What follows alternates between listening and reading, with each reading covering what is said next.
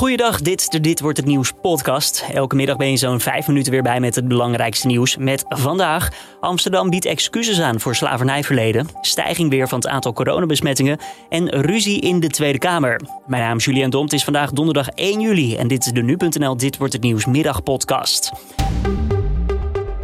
Amsterdam biedt als eerste stad excuses aan voor het slavernijverleden. Dat heeft burgemeester Femke Halsema namens het stadsbestuur gedaan bij de nationale herdenking van de afschaffing van slavernij in de stad. Voor de actieve betrokkenheid van het Amsterdamse stadsbestuur bij het commerciële systeem van koloniale slavernij en de wereldwijde handel in tot slaafgemaakte bied ik namens het college van burgemeester en wethouders excuses. Amsterdam is daarmee de eerste gemeente in ons land die formeel excuses aanbiedt. Utrecht, Den Haag en Rotterdam overwegen dit ook te doen.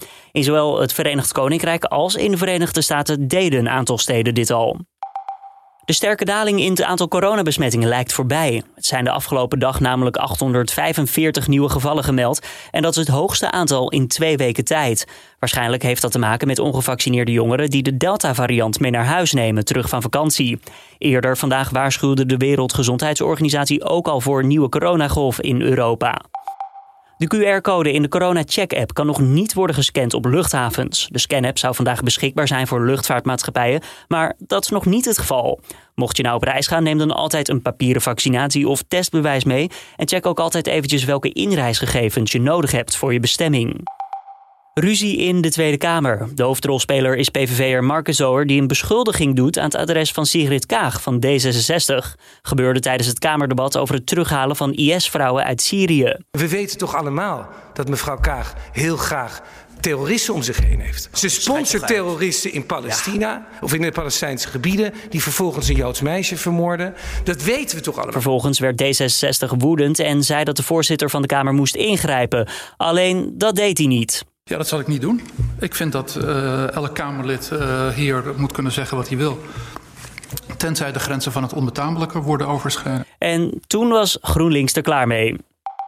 Een coronacluster in Enschede. De GGD Twente bevestigt aan RTV Oost dat er meerdere besmettingen zijn ter Leiden na een feest van afgelopen weekend in discotheek Aspen Valley in de stad.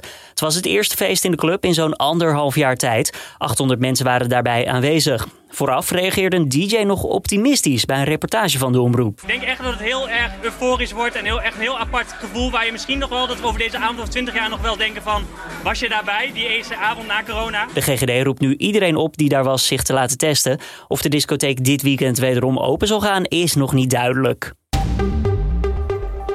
En dan het weer van Weerplaza. Op de meeste plaatsen is het droog. In het oosten komt lokaal nog wel een bui voor. Vanavond en vannacht dan wisselend bewolkt. En morgen ietsjes meer zon, al is er in het zuiden nog wel kans op wat regen. Het wordt dan zo'n 20 tot 22 graden. Ja, om af te sluiten. Twee treinreizigers zijn met 7 kilo MDMA vanmiddag aangehouden op het station van Breda. Ze werden betrapt toen NS-personeel ze aansprak omdat ze geen mondkapje droegen. Vervolgens bleken ze ook geen geldige identiteitskaart te hebben en sloegen ze op de vlucht. Nou, de politie wist ze te pakken. Ze hadden ook nog eens 1000 euro cash op zak en een Rolex. Verstopt in een onderbroek. En dit was hem dan weer, de Dit Wordt Het Nieuws podcast van deze donderdag 1 juli. Tips of feedback zijn altijd welkom. Kan je toesturen naar podcast.nu.nl. Mijn naam is Julian Dom. Ik wens je voor nu een fijne avond. En morgenochtend hoor je hem weer om 6 uur ochtends. Collega Carne van der Brink met het nieuws van dan op nu.nl.